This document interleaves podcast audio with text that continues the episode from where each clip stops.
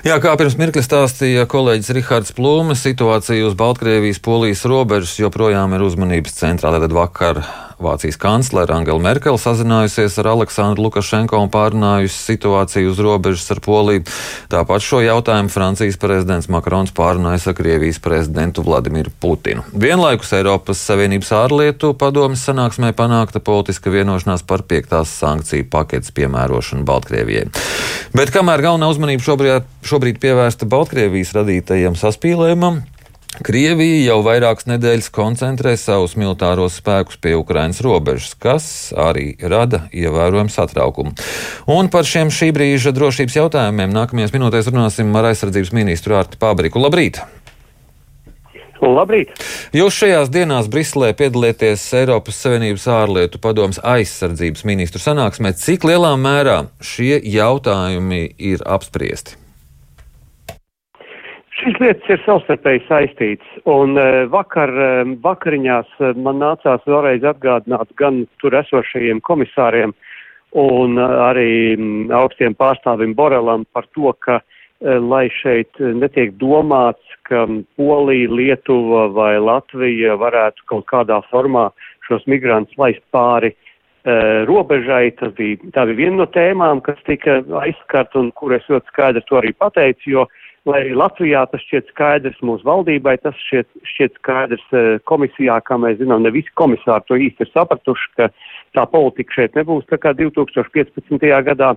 Un, protams, runājot par e, nākotnes plāniem e, drošības un aizsardzības jautājumos, šajā gadījumā Eiropas Savienībai, e, Ukraina ir viena arī no tēmām, kas mums ir šodien jāpārnā tiekoties ar Stoltenbergu kungu, jo um, nu, galīgi nav izslēgts, ka um, laiks, kad mainās arī Eiropas Savienības lielākās valsts vadība, uh, aiziet um, Angela Merkele. Um, un rudens, kad mēs redzam, ka šie ziņojumi nāk arī no Amerikas Savienotajām valstīm un no citām valstīm par to, ka pie Ukrainas tiek savilts karaspēks, ka šīs lietas ir ļoti savstarpēji saistītas. Un uh, tur var būt uh, dažādi scenāriji izspēlēti, uh, balstoties uz to, kāda būs sākotnējā Eiropas Savienības un e, NATO dalību valsts arī politiķu reakcija. Tā kā e, šeit visas durvis dažādiem scenārijiem vēl ir vaļā. Uh, scenāriji, uh, kādi tie varētu būt un uz uh, kādu reakciju? Ka uz, ka, par kādu reakciju jūs runājat? Reakcija, kas uz situāciju uz Polijas-Baltkrievijas robežas vai kāda cita reakcija? Nu, um, pirmkārt, mums ir jāsaprot, ka Baltkrievija de facto savu neatkarību ir zaudējusi. Un lai arī mēs pamatā sūdzamies, lai arī mēs pamatā sūdzamies par Lukašenko, eh, tomēr īsnībā tas nozīmē, ka tai pašai Ukrainai ir vēl viena robeža, kur uh, šie paši migranti teorētiski varētu doties pāri, ja viņi netiek pāri mūsu robežām. Tālāk pie Ukrainas ir sapulcināts ļoti liels Krievijas karaspēks, un neviens nevar izslēgt, ka šis karaspēks varētu tikt arī izmantots kādā no ofensīvām, un šeit ir ļoti svarīgi, ka Eiropas Savienība un Eiropas Savienības dalībvalsts tiek laicīgi brīdināts no mūsu puses, no tiem, kas šo situāciju labāk saprot, ka uh, viņām būs jārīkojas, ja gadījumā līdz tādai eskalācijai mēs nonāksim. Kāda rīcība varētu būt? Kādai rīcībai tad ir jāsagatavo tos Eiropā, kas varbūt nesaprot? Nu, um, pirmām kārtām ir jābūt, protams, skaidrai un vienotai politiskai ziņai, lai mums nesanāktu tā kā ar komisāru Johansonu un migrāciju.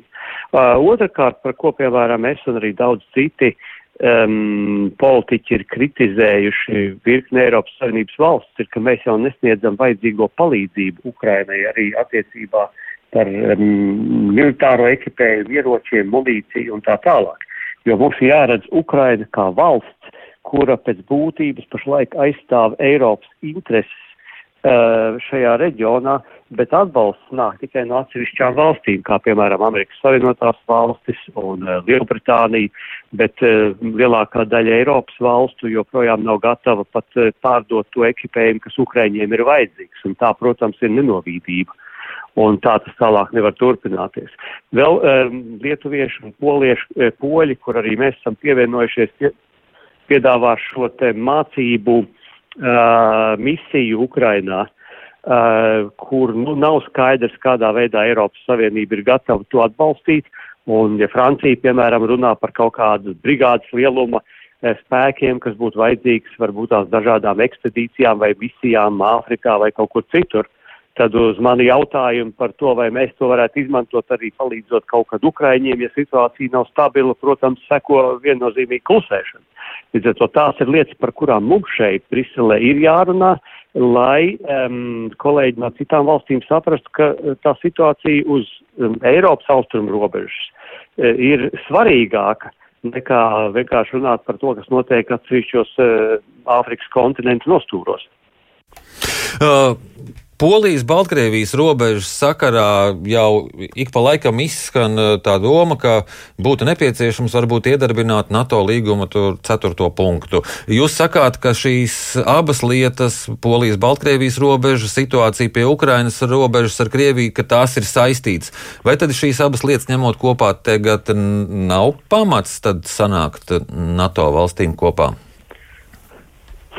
Nu, man vakar bija saruna gan ar polijas kolēģiem, gan arī ar uh, Lietuvas aizsardzības un ārlietu ministru, ņemot vērā, ka Lietuvas ārlietu ministrs bija arī mans uh, bijušais kolēģis Eiropas parlamentā, un uh, mēs vēlreiz viens otram apliecinājām to, ka pirmkārt, ja kāda no šīm trim valstīm, proti Polijas, Lietuvas vai Latvijas vēlēsies uzsākt ceturtā panta konsultācijas NATO, tad principā šis pieteikums nāks no visām trim valstīm. Mēs būsim vienoti šajā prasībā. Bet līdz vakardienas vakaram šāda vēlme nebija izteikta ne no vienas valsts, jo mēs vēl te negribam, kā teikt, nu, mm, izmantot šīs iespējas iesaistīt NATO pārāk. Mēs vēl gaidām to, kā tālāk uzvedīsies uh, Baltkrievijas pārstāvi, Krievijas pārstāvi, sevišķi pēc šiem te zvaniem gan no Merķels, gan no uh, Borela, arī pašam Lukašenko, lai mēģinātu viņiem pastāstīt, ka, nu, viņa draugs te, te tā uz priekšu, kā tu domā, vienkārši neies.